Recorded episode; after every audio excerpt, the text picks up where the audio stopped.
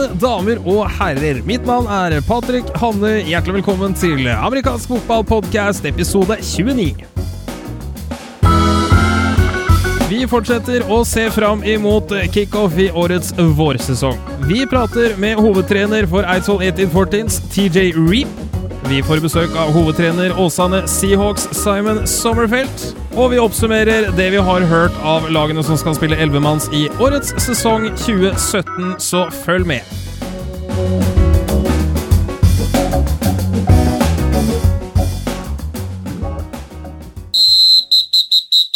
Velkommen her til amerikansk fotballpodkast. Mitt navn er Patrick Hamne. Vi fortsetter vår preview av årets eliteserie.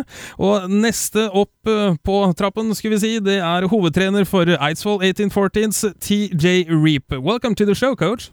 Thank you, Patrick. Uh, it's it's a pleasure being here with you. How's Norway treating you so far? Love it. Fantastic country. Um, can't say enough positive things about the people, um, how I've been treated and uh, I absolutely absolutely love my 1814 family. Um, they're uh, they're a great uh, great group. Uh, we have a great board, and we have a fantastic group of guys playing for us at all all the levels. The elite, the U17 team, which obviously we're getting them ready as well as the elite team. What made you decide to to take a trip to to Norway to coach football? First of all, I, I had an opportunity to play um, American football in Austria back in the 90s um, early 90s, and I was a player coach for the Graz Giants. Had a lot of fun, uh, a lot of success, and I uh, had it as a lifelong goal that I would return to Europe and, and coach someday. And uh, my, my playing days are obviously over at, 48 year old. I'm very passionate about the sport of cross country skiing, and uh, I know that Norway and the Scandinavian countries love their cross country skiing. So that's uh, one of the reasons why I targeted Norway um, as a as a place to come and coach. I'm curious uh, about your your background uh, and specifically football wise. You mentioned you were in Europe um, back in uh, the early '90s uh, in, in, Austria. How um, what does your football career look like up until this point? Well, I grew up as a son of a high school football coach, so I was on the sidelines. Starting as a five year old in Smethport, Pennsylvania. So I'm going to give a shout out to my hometown back in uh, back in Pennsylvania. Go Hubbers! And uh, my junior senior year in high school, I was a, a quarterback and an inside linebacker. Uh, played on a played in, in a small small teams, uh, small towns where everybody played both ways went off to the University of New Hampshire, where I had a, a decent career um, as an inside linebacker. And then I coached uh, college football, came to Austria, went back and coached for my master's degree at Springfield College in Springfield, Mass. And uh, for three years. And then when after I graduated in 96, um, I was a head coach in upstate New York, where my team in Hamilton, New York, the Hamilton Emerald Knights, um, had a lot of lot of success.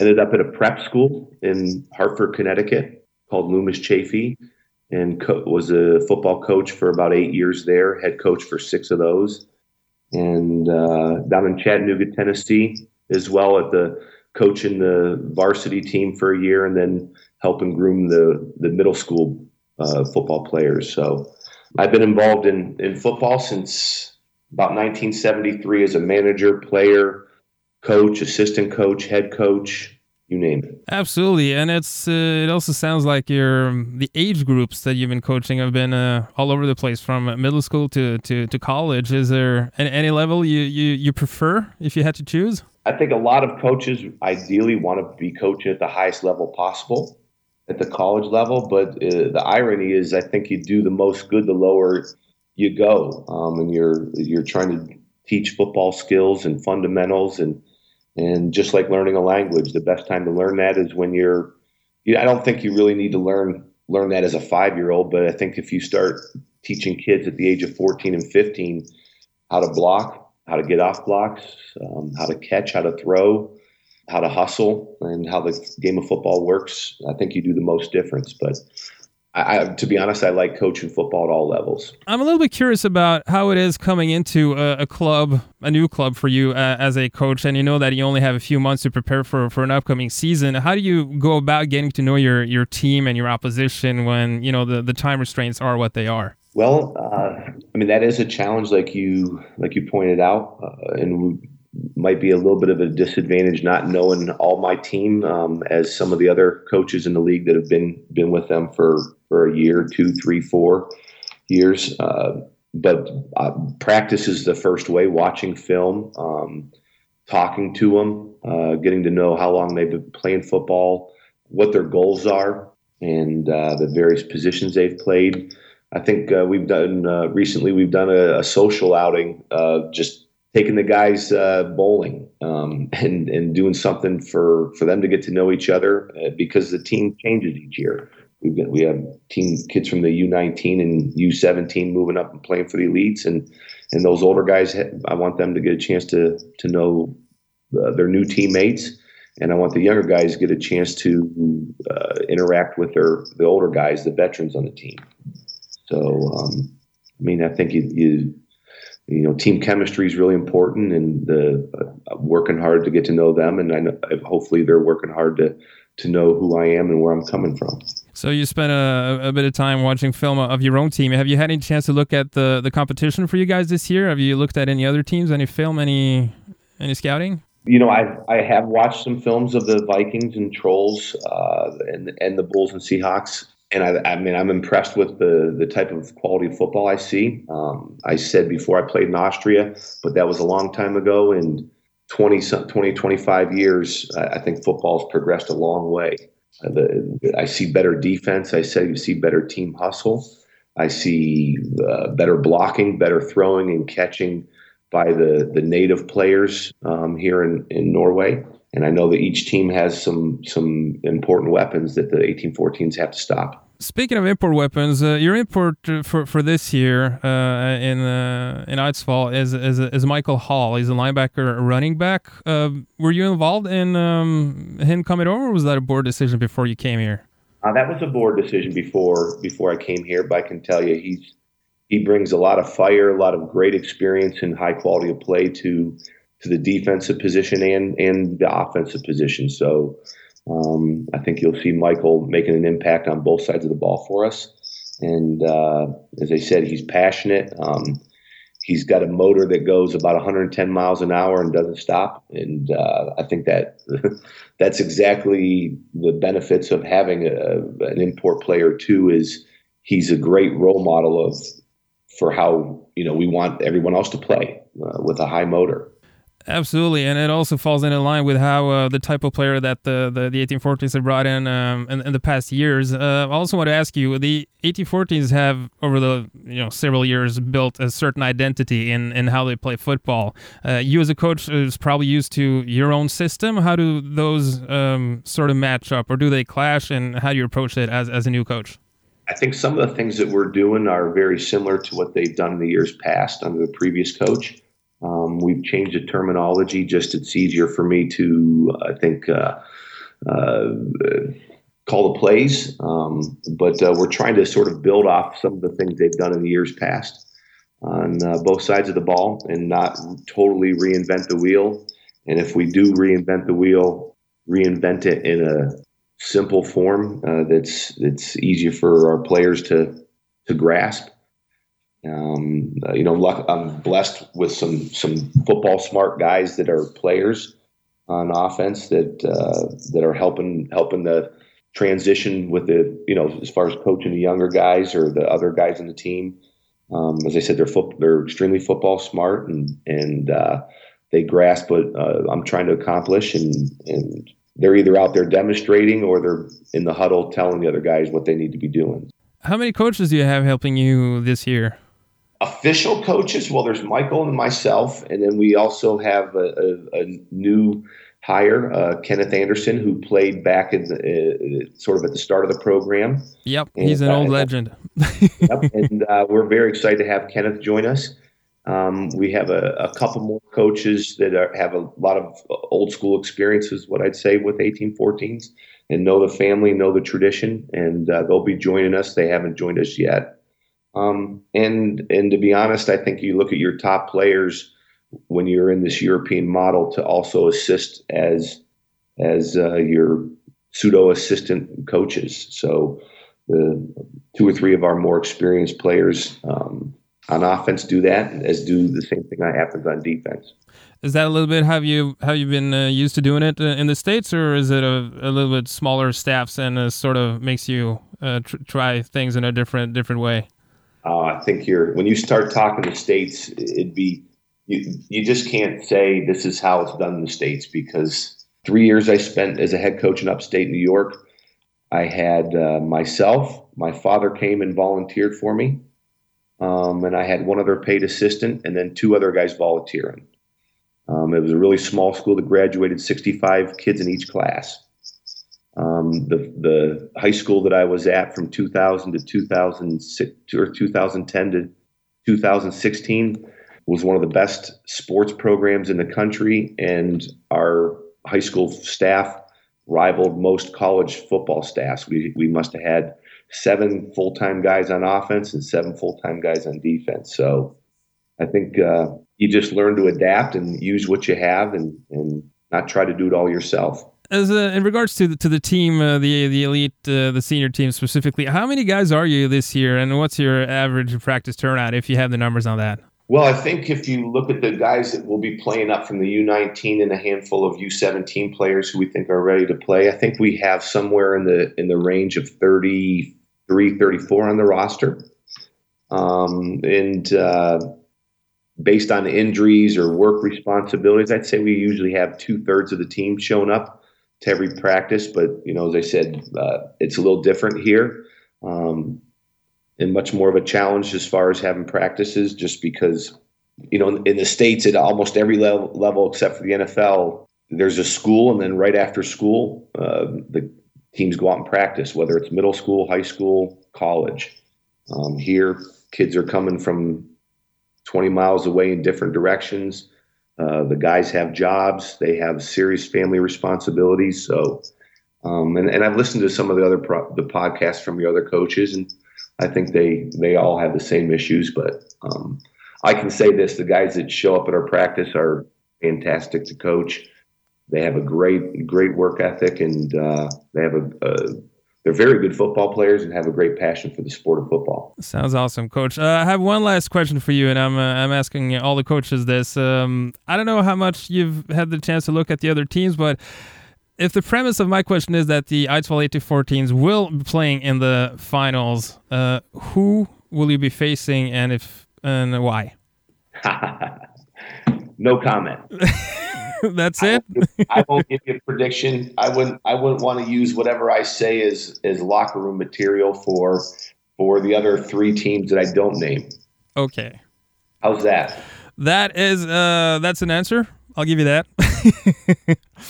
uh, anyway, coach, uh, I appreciate you taking the time to to talk with us here at uh, Amerikansk Football. We wish you the absolute uh, best uh, of luck in uh, preparation for the upcoming season. Not too many weeks uh, to wait now, and um, hopefully we'll talk to you down the line. Patrick, love what you're doing. Um, you're promoting football here in Norway and, and around Europe, and and hopefully we'll be putting this podcast over in the states and and spreading the, the American football love over there across the seas. Appreciate it, Coach. Have a great day.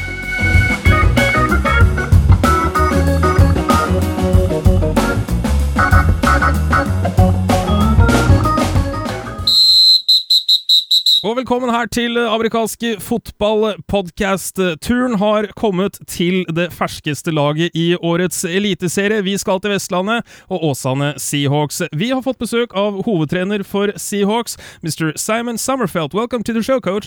Hello, sir. Thank you for having me. Thank you for, for taking the time out of your busy schedule. I remember when I uh, called you to schedule this, you were in South Korea working. Are you traveling all over the place? Uh, yeah, I mean, of course, uh, in the past years it used to be more, but the projects that I run for the for the oil and gas industry are mainly based in Southeast Asia. But I think in the future we'll be moving more towards Europe. We haven't had the chance to have you on the podcast uh, until just now, so I want to know a little bit more about about you. How uh, where has you where have you been football wise before coming to the to the Seahawks? Well, you want to start at the very beginning? Um, start wherever you want to start, sir. Uh, okay, so uh, I think I'll start at the beginning because there's an interesting connection right at the start. I started playing when I was uh, maybe 13 years old at a club in a small suburb of Hamburg, and uh, where actually Christian played, who's coaching the Seahawks now as well. Christian so I know him. Yes, exactly. So I I known him for more than 20 years. So uh, and from there on, I moved, let's say, through the ranks. You know, youth all state national team, and then I went to the to GFL two to play with the Huskies, which what I consider, let's say, my main team or my home team. And then I played two seasons with the Baltic Hurricanes. Uh, won the German Bowl in 2010 and was uh, took second place in 2009. Also played a bit uh, for the German national team, and and, and then in 2013 I moved uh, to Norway, played for Stavanger uh, for two years and uh, and then I got actually injured in the championship season in 2015, and I couldn't. Uh, it was in the semifinal against Oslo, oh. so I couldn't partake in the final. Yeah, I mean, you know, it is what it is. It was it wasn't my first uh, surgery, and that actually prompted me to say, okay, now when you when you are in surgery for five six times now it's probably time to stop and and i think now it's i can be more productive and actually transferring my knowledge because i've been now with football for 22 years so i can basically give something back. And uh, and Christian asked me if I wanted to join uh, with the Seahawks, and and I know that he runs a pretty good ship. So uh, so I joined as a uh, first as the OC in the beginning when they were still in the second division. Then I took a year off in which the American coaches were coaching, uh, Mark Reeve and and uh, Jim. Yeah. And now and now I'm back as a as a head coach and offensive coordinator there. Well, that's a pretty uh, fast rise through the through the coaching ranks. Uh, are you mainly focused on the offensive side of the ball, or is it all over? Yeah, yeah. I mean, you know, when when when the way we run the operation is is is more we coach. We see ourselves more as a committee. You know, I mean, fast race to the ranks. Uh, I have. Uh, I've been with football so long that, uh, and with so many different coaches and systems and approaches that um, it is uh, really. I mean, you have seen a lot and you can you can put things in perspective. So when we when we when we work together everybody has their opinion on things and usually you never we don't really have the need for a formal head coach. Um, I'm, you know, I'm speaking to you now instead of Christian because for me it, it's easier than for him, let's say. So, but but but when we when we have coaches meetings, there's no super strict hierarchy. You know, we are more doing it as a team. So I'm, you know, it's it's just head coach by title, I would say. Yeah, we'll get back to uh, what the rest of the coaching staff uh, looks like. Uh, but at this point, I, I want to ask you, as the head coach of the quote unquote new team in the Elite Series, uh, what are your goals for for this season? There was this uh, this guy that we had on our team, ex player that made a video series. Um, and, and he asked me the same question. You can see it on YouTube as well. Okay. Um, well, our our goal is to first of all to see where we are, uh, be competitive in the league. That's the main thing, and uh, and actually improve our football through the competition and actually survive the whole thing as an organization. That is our main thing, because that is where we see uh, the, the, the most critical element of this year is just kind of getting by. So yeah, understandably so, and I, and I guess also the, the preparation for, for this year's season uh, has been a little bit different than maybe last year's when you played in the Division One series. When did you start uh, the off season and uh, preparing for this year? Yeah, when we got the message that we uh, that we had to partake in the in the elite series, um, of course, for us it came being forced to play there came to us a bit as a shock because I don't believe us to be, let's say, ready on a on a more on an organizational level than than at a, at a player level.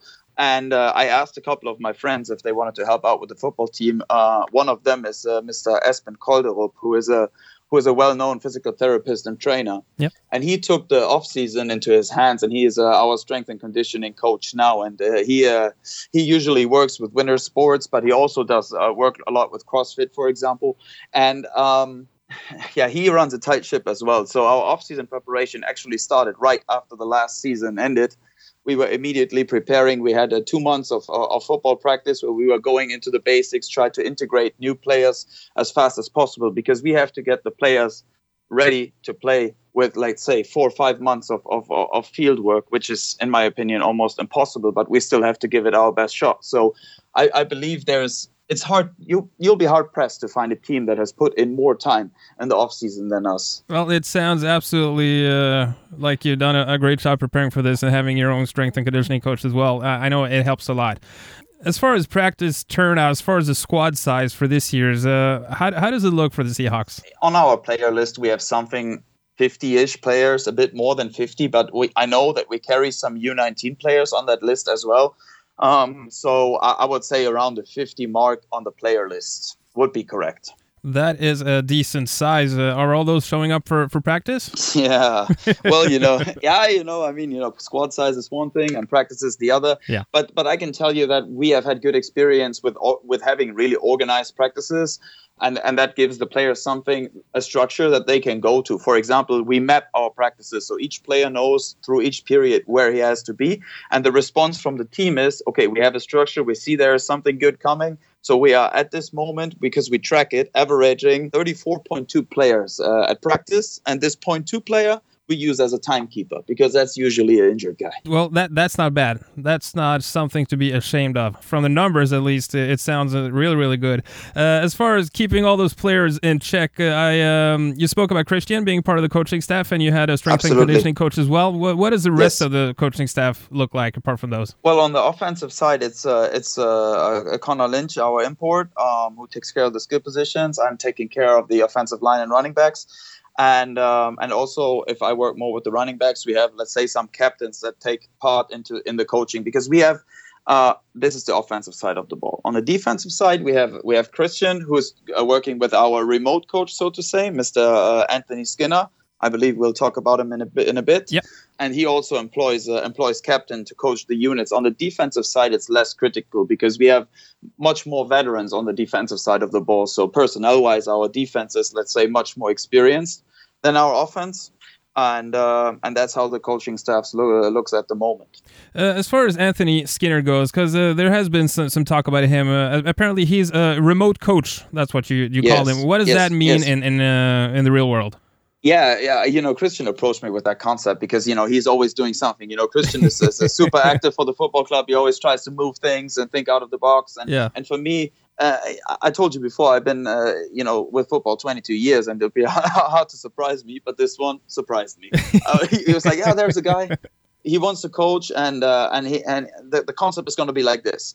And, and, I said, "Well, you know, uh, first of all, I was I was very skeptical, and then we we we we, we talked to some people we know around Germany, Switzerland, uh, people that have worked with him, and his his references are very good."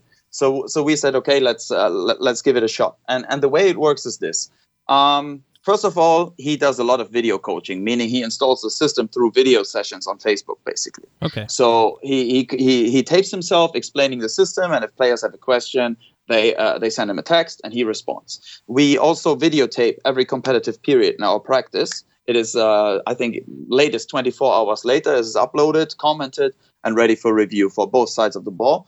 And that means that okay he can use that to, to, to further work with that. And he also works a lot through christian. He travels to Norway, uh, I believe, three times, uh, once before and two times within the season, um, to work work with the team during the week. And um, and he has just been here and I, I, must say I'm a bit sad that he isn't here more because he can give a lot. He he can give a lot to a team because he's a, a very experienced gentleman, a very well spoken, uh, extremely disciplined, and and he would be uh, we would profit a lot from his personality on a regular basis. But sadly, his job doesn't allow it. So we are happy with with the arrangement we have, and, and I would be even more happy if we could have him full time.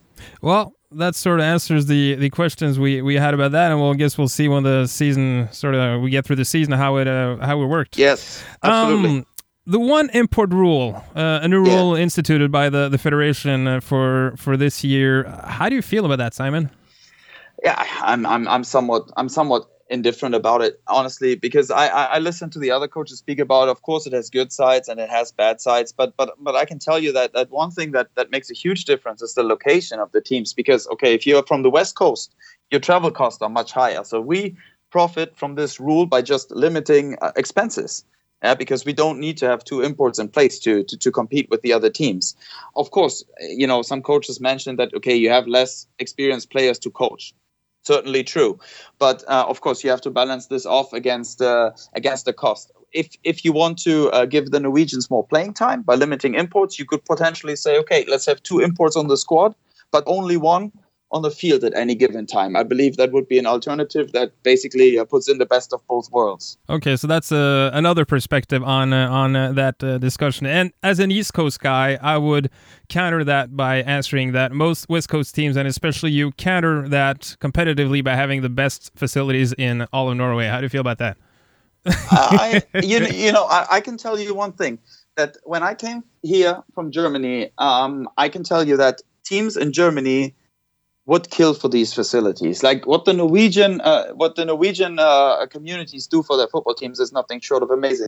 We have a new field that is of insane quality.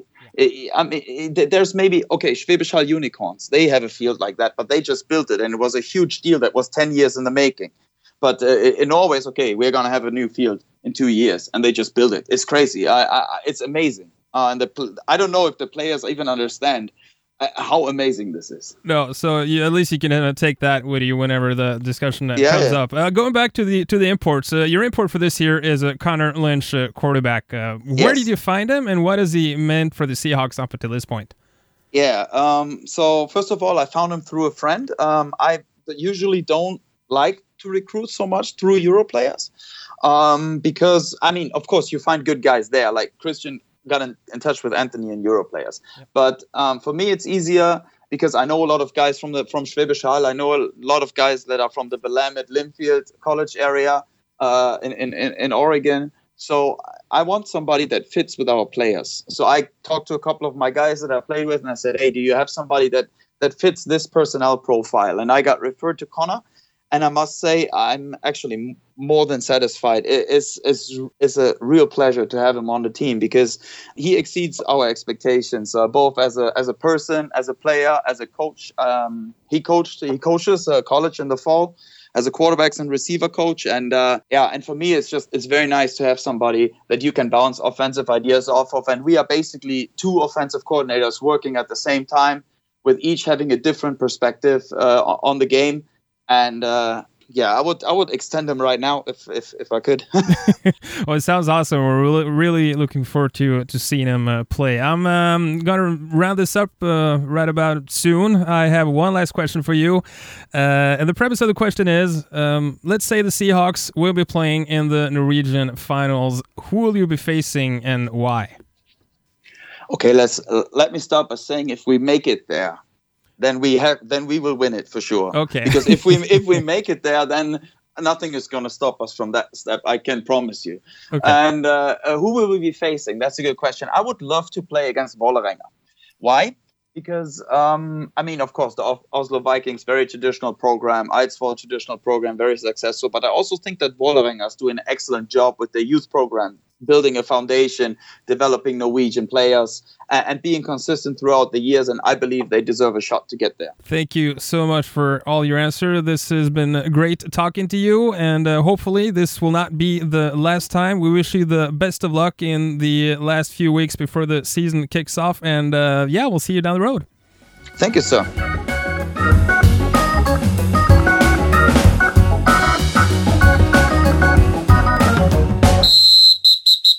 Og vi fortsetter her i amerikansk fotballpodkast. Vi skal nå foreta en oppsummering av de intervjuene som vi har gjort med samtlige hovedtrenere i Eliteserien og førstedivisjon gjennom de siste tre podkastene, denne inkludert. Med meg har jeg redaktør av fotball.com, Jarle Magnus Henriksen. Velkommen til deg. Takk for det, Patrick. Og vi har med skribent og bidragsyter Morten Midtsund. Velkommen til deg. Takk skal du ha, Patrick. Hvis vi da begynner med førstedivisjon i 2017, eh, Jarle Magnus, kan ikke du bare ta en kjapp oppsummering av hvilke lag som skal være med der i år? Det kan jeg fint. Eh, vi har to lag som var med der også i fjor, eh, nemlig Olavs Menn fra Sarpsborg og Haugesund Hurricanes. Begge de to lagene har noen år bak seg nå. Så vi kan ikke kalle dem rookie-lag lenger. Det kan vi heller ikke med de andre lagene som har kommet opp fra andredivisjon. Det er nemlig Kolbotn Hunters holdt jeg på å si Kodiaks, men da var vi enda lenger tilbake i tid. Og så har vi eh, et lag som heter Kristiansand Gladiators, som eh, prøver å komme seg opp igjen fra å ha trukket seg i 2014. De, beklager, 2015. De eh, vant jo NM-gull i 2014.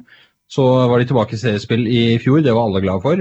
Og kanskje utenom motstanderne deres, da, for de tapte jo så det holdt. Eh, Kristiansand valgte eh, rubbel og bit og i andredivisjon, og nå er de klare for førstedivisjon, hvor de nok også har et visst favorittstempel, vil jeg tro. Ja, Det kan jeg jo åpne med å spørre om da. Kristiansand Gladiators eh, i dine øyne, Jarle Magnus, har favorittstempel på seg. Hvorfor det? De har nok av stallen fra gamle dager. Altså, de har en en, en bra gjeng som, som, har vært med før og vet hva det går i. Og så har de en del nye spillere som er spennende. Eh, I tillegg så har de en balanse eh, i forhold til spillermateriellet. De, de, kan både løpe med ballen, de kan kaste med ballen, og de kan jage meg forsvares også. Jeg har eh, hatt gleden av å se dem i scrimmage mot eh, Lura Bulls. Eh, jeg har for så vidt med Haugesund også, samme dag.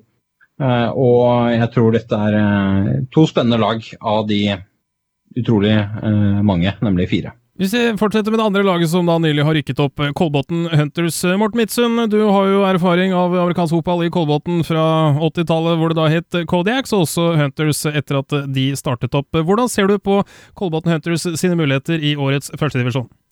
Nå har de eh, en stall på en 4-25 mann, og, og selvtillit har de jo. De har jo håper å si, overkjørt de fleste lag i andredivisjon sånn i ny og ne. Eh, de tapte vel eh, mot Gladiators i fjor, hvis de spilte mot den. Det husker jeg faktisk ikke, Jarle. Så, eh, og det jeg har sett av de, de har en ny callback. Han har aldri spilt callback før.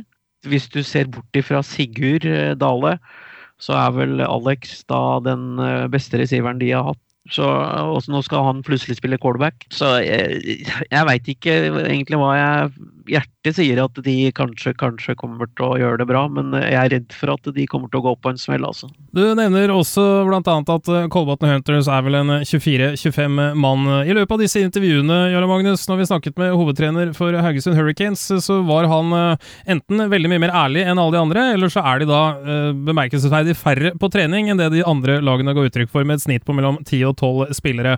Tror du det er tall som er gjengs for hele serien, eller ligger Haugesund an til å være den tynneste stallen i årets førstedivisjon? Ja, vi må jo nesten tro dem på det de forteller oss, eh, og så vet vi at folk fra Haugesund er jo fryktelig ærlige. Uh, men uh, jeg har jo sett dem i scrimmage, og de var jeg vet ikke, 18-20 stykker nå i den døren. Tror ikke Kristiansand var fryktelig mange mer. Hvis, hvis de har det treningsoppmøtet og de ikke har tatt seg noe kraftig opp, så, så, vil det gjøre seg utslag. Altså, man blir ikke like samspilt som de andre over tid. Og ikke minst eh, hvis man har så få, så har man nok sannsynligvis ikke 30 lisensierte heller. Eh, kommer de opp i de numrene, så er det jo flott. Eh, de har en del veldig bra spillere, hvorav hovedtreneren selv er helt klart en av dem. Så har de en del folk som det er greit at får uh, rotert litt. Blant annet har de en uh, veldig liten runnerback som jeg syns er veldig spennende. Men uh, hvis, hvis, det ikke er rotasjon med han og Alberto Osorio, som er den andre runnerbacken, så kan det kanskje bli litt heftig da, i løpet av en sesong. Nå er det ikke sesongen i Norge 18 kamper og sånn, men det vil allikevel sette sitt preg på lagene, vil jeg tro. Og Det siste laget da i førstedivisjon, det er da Sarpsborg Olavs menn. Og en stor del av eh, laget, og ikke minst angrepsspillet, har eh, vært eh, de siste årene Travis Cornwell, quarterbacken. Morten, nå er det sånn at Travis ikke skal spille i årets sesong, og de har tatt en del grep, bl.a. ved å legge om fullstendig det offensive systemet og hvordan tror du det vil eh, påvirke Sarpsborg sine sjanser i årets førstedivisjon? Det jeg har sett av Sarpsborg, så kan eh, hvis de får det til, eh, så kan det bli morsomt. De har jo gått til en sånn hva skal du si for noe? Sånn, hvis man snakker om at Hunters har noe sånn old school offense, så, så, er vel det et steg Sarpsborg Olavs menn også har gjort. De har en spennende ny callback ved en svenske som ikke jeg husker navnet på. Han har spilt eh, receiver, og, og, de har et par nye linjespillere. Og de har også hatt eh, en trening uh, sammen med Oslo Vikings. Og så har de hatt besøk av eh, hva skulle du si for noe, innleide trenere fra diverse deler av landet sånn i, i løpet av en av vinteren. Så det er større sjanse for at Sarpsborg Olavs menn eh, slår Hunters, enn at Hunters slår Sarpsborg Olavs menn. Mener nå jeg, da. Nå, skal det, eller nå er det sånn at vi skal ha en del previews gjennom de nærmeste ukene, da både på, på førstedivisjon og Eliteserien. Jarle skal ikke du ta oss og fortelle lytterne litt hva det er vi planlegger de nærmeste ukene? Ja, nå er det jo blitt fredag 7. april når dette går på lufta. Og da er det noen dager til, så begynner vi med forhåndsartiklene våre for førstedivisjon. Eh, litt forutsatt at vi har fått eh, tilbakemeldinger fra alle lagene. For vi, har, vi sender ut noen mail denne uken her hvor vi spør etter en del eh, nøkkelinformasjon som vi trenger hvis vi skal kunne skrive nok om dem. For det er ikke sånn at det er fullt av muligheter til å, å se dem i forkant, eller ja, Det er ikke 60 andre medier som hjelper til med å, å liksom finne fram informasjonen. Hva? Nei, det skulle gjerne vært, men eh, på andre side da hadde vi, da hadde vi sannsynligvis drevet med kickere i Finnmark som eh, vårt spesialfelt, tror jeg. Så, så, det er greit, det. vi lever greit med det. Vår tanke da er å ha eh, en forhåndsartikkel for hvert av de førstedivisjonslagene. Gå gjennom det, og så har vi en, en, artikkel med spådommer om hva vi tror hvordan dette kommer til å ende. da. Så det, det, er planen hvis vi får den informasjonen vi trenger. Hvis vi ikke gjør det, så blir det litt kortere med kanskje en, eh, en, kombinert artikkel som dekker begge deler. Men basert på det lille vi vet per nå, da, Magnus, skal du våge deg på hvordan tabellen ser ut i slutten av sesongen, eller lar du det være? jeg er litt uh, usikker på hvem uh, For det første om det er jeg eller flere andre på siden også som kommer til å bidra til de artiklene, og dermed tippe den rekkefølgen. Jeg kan i hvert fall si såpass som at Kristiansand Gladiators er nok manges forhåndsfavoritter. Eh, bak der så er det litt uh, usikkert. Og så er veldig mange spente på Olavs menn og hvordan det slår ut når uh, Travis er på sidelinjen, som ikke nødvendigvis er negativt, men at Travis ikke er på bane, ikke nødvendigvis positivt. Så det er en sånn kombinasjon der som, som blir spennende. Hvis vi skal ta de to andre, Haugesund har et S opp i ermet i, i deres nye amerikaner som uh, har flytta til byen, og som uh, når han er frisk, og det var han ikke den skummelsen jeg så, men jeg har sett den på film fra dagen før, og da så han helt klart frisk ut.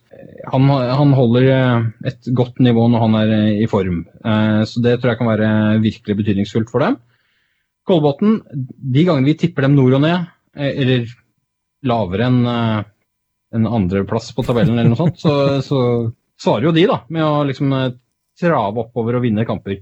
Så jeg tipper vi kan, eh, vi kan prøve å tippe dem på fjerdeplass, for da blir de kjempefornøyde, og så ender de på første. Så Vi får se da, hvordan det blir. Jeg må snakke litt med Frank, som er hovedtrener der, på eh, om vi kan få litt sponsing for å tippe dem nedenom og hjem. Morten, har du, noe, har du noen spådommer som avviker fra, fra Jarle Magnus sitt? Eh, nei, i grunnen ikke. Eh, det er Kristiansand Gladiators, og så er det eh, ja, jeg kan jo kanskje si eh, Jeg har tro på Olavs menn. At de blir eh, god nummer to. Og så er det vel Haugesund nummer tre og Kolbotn Hunters eh, nummer fire. Den er god. Da sier jeg tusen takk til dere begge, og så fortsetter vi med Eliteserien.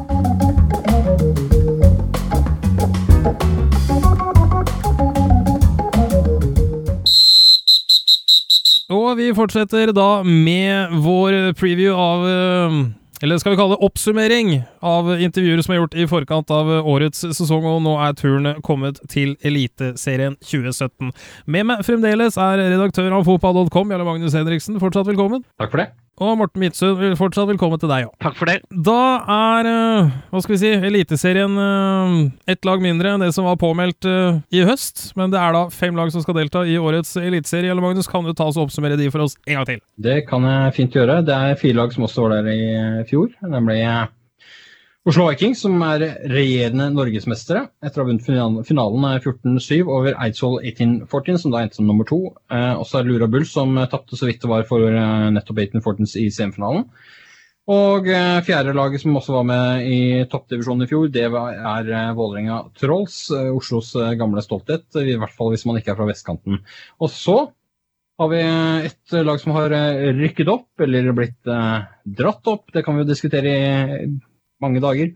Eh, Åsane Seahawks, eh, jeg tror ikke de kommer til å gjøre seg bort ut fra det har jeg fått med meg så langt. Ja, men da kan vi begynne da med Åsane Seahawks, årets nykommer i uh, Eliteserien.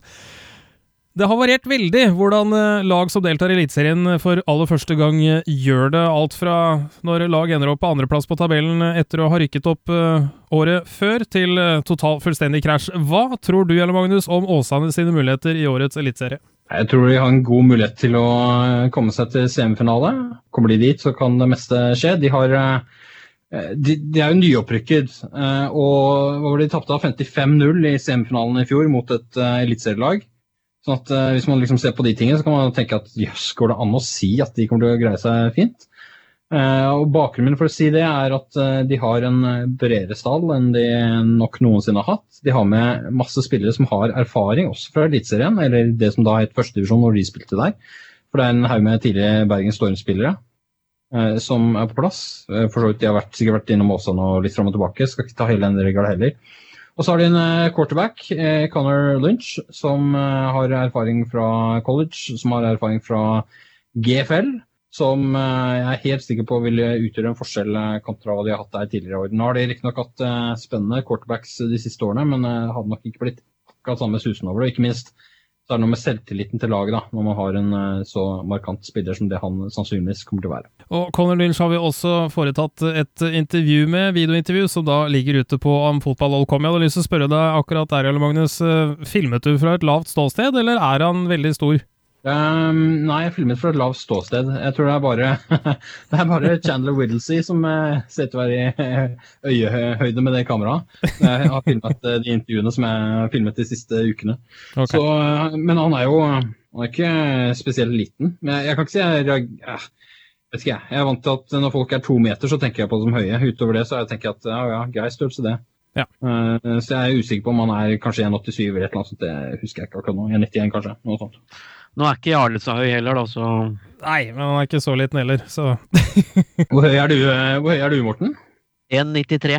Ok. Ja, okay. Jeg er 1,86, så du, du, har dine ord i behold. Da skal jeg bare tie helt stille. Og så kan du fortsette videre med neste lag. Du nevnte Chandler Whittlesey, som da er quarterbacken, eh, årets quarterback, skal vi si, for eh, Lura Bulls. Uh, Jarle Magnus, igjen, vi holder oss på Vestlandet. Hvordan ser Lura Bulls ut for, for i år, og er, hvordan er mulighetene deres for å nå langt? Mulighetene er minst like gode som avstandene sine. Jeg har jo sett begge disse lagene litt og fått litt inntrykk av dem også nå i forsesongen. Og jeg vil nok si at uh, har et svært spennende angrep. Uh, jeg er litt mer usikker på forsvaret deres. Lura er nok mer balansert akkurat der, men kanskje ikke De har en del å jobbe med på spesielt for angrep. da, Så, så husker vi at uh, i semifinalen så hadde de 17 penalties, flagg, og de fortsatte med flaggfestene scrimmagen jeg så. Så det er en del ting å jobbe med der hvis man ikke skal skyte seg selv i foten uh, annenhver kamp eller noe sånt. Kubien er det ikke noe å si på, men eh, nå har jeg på en måte rekruttert han, da, så det er vanskelig, vanskelig å være objektiv der. Det må jeg bare si med en gang. Men, men jeg, jeg snakket litt med en annen sentral person i forhold til den eh, prosessen. Uh, og at det ikke ble han Nissenack som var innom en tur. Det er litt sånn jeg tror vi dodged a bullet og fikk han som kaster bullets istedenfor.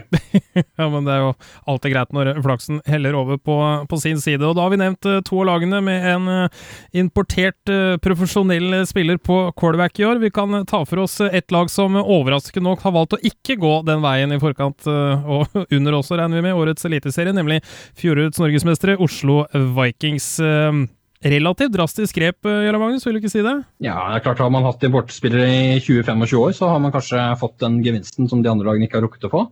Um, men uh, det skal bli spennende å se. Men, er, vi antar det er Mehmet Cæsar som er quarterback. Han har vært med i mange år nå og er flink, ivrig og, og har fått prøvd seg en del på QB før. Hvis de spiller hele sesongen med han, så, så, blir det spennende å se. da. Jeg noterer meg at de ikke ikke skåret på noe pasningsspill i, i scrimmagen de hadde nede i Aalborg eh, mot It Niners. Eh, og en av skåringene var vel også defensiv.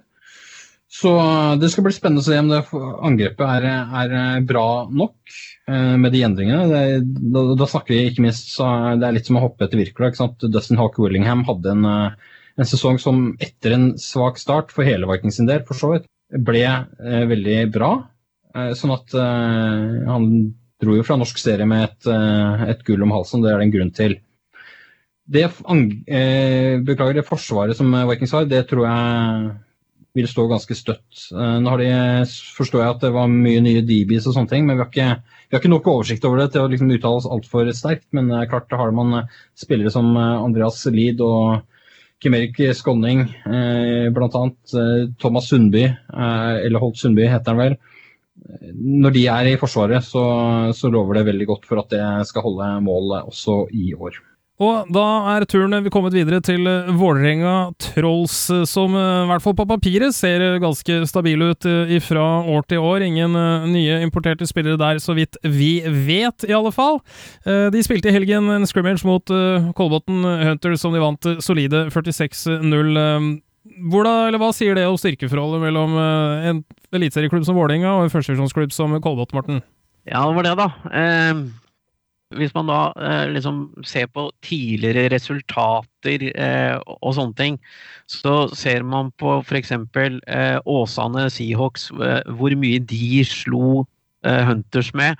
Eh, hvor mye de har tapt overfor eh, Trolls, ikke sant? og nå spilte Trolls og Hunters denne her scrimmagen, og det ble syv touchdowns, tror jeg. 46-0 eller noe sånt nå.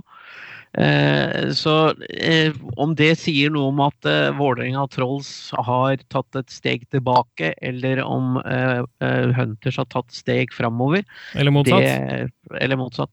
Ja. Ikke sant? Det, det, det, får vi vel ikke sett før første seriekamp.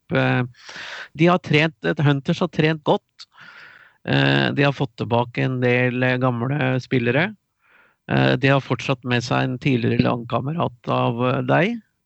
Sten spiller jo fortsatt. Sten Kagnes spiller fortsatt. Eh, så når det gjelder Hunters, så, så tror jeg liksom at de um, kanskje har tatt et, steg, et, par steg framover i løpet av vinteren.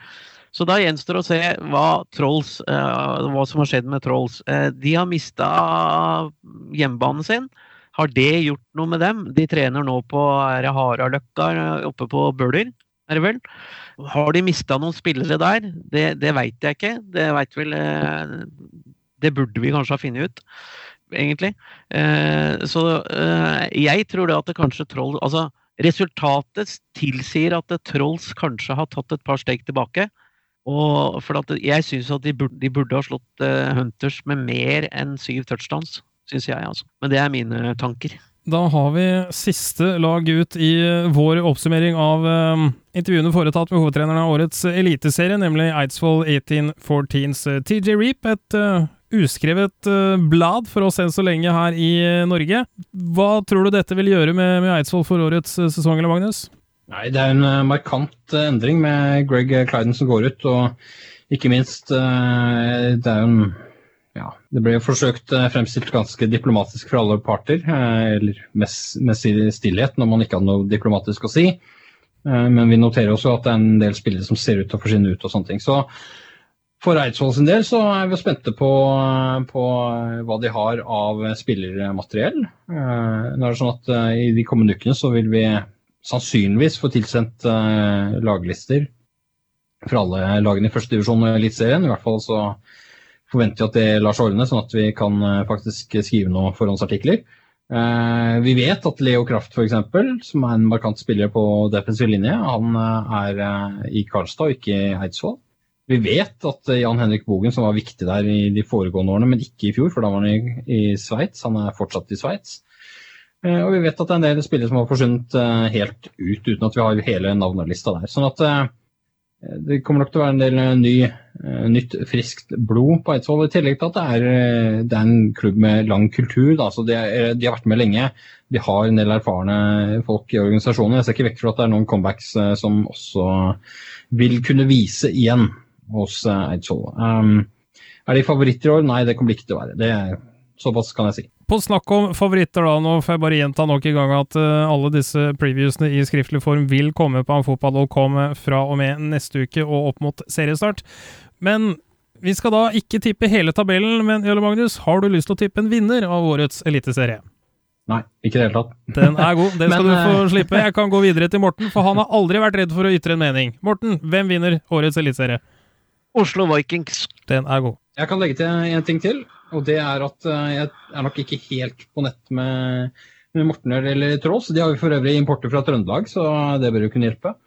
Eh, Det har skjedd noe der i forhold til at Domers trakk seg av noen spillere, jeg tror det er fire stykker eller noe sånt, jeg har valgt å gå videre til Trolls.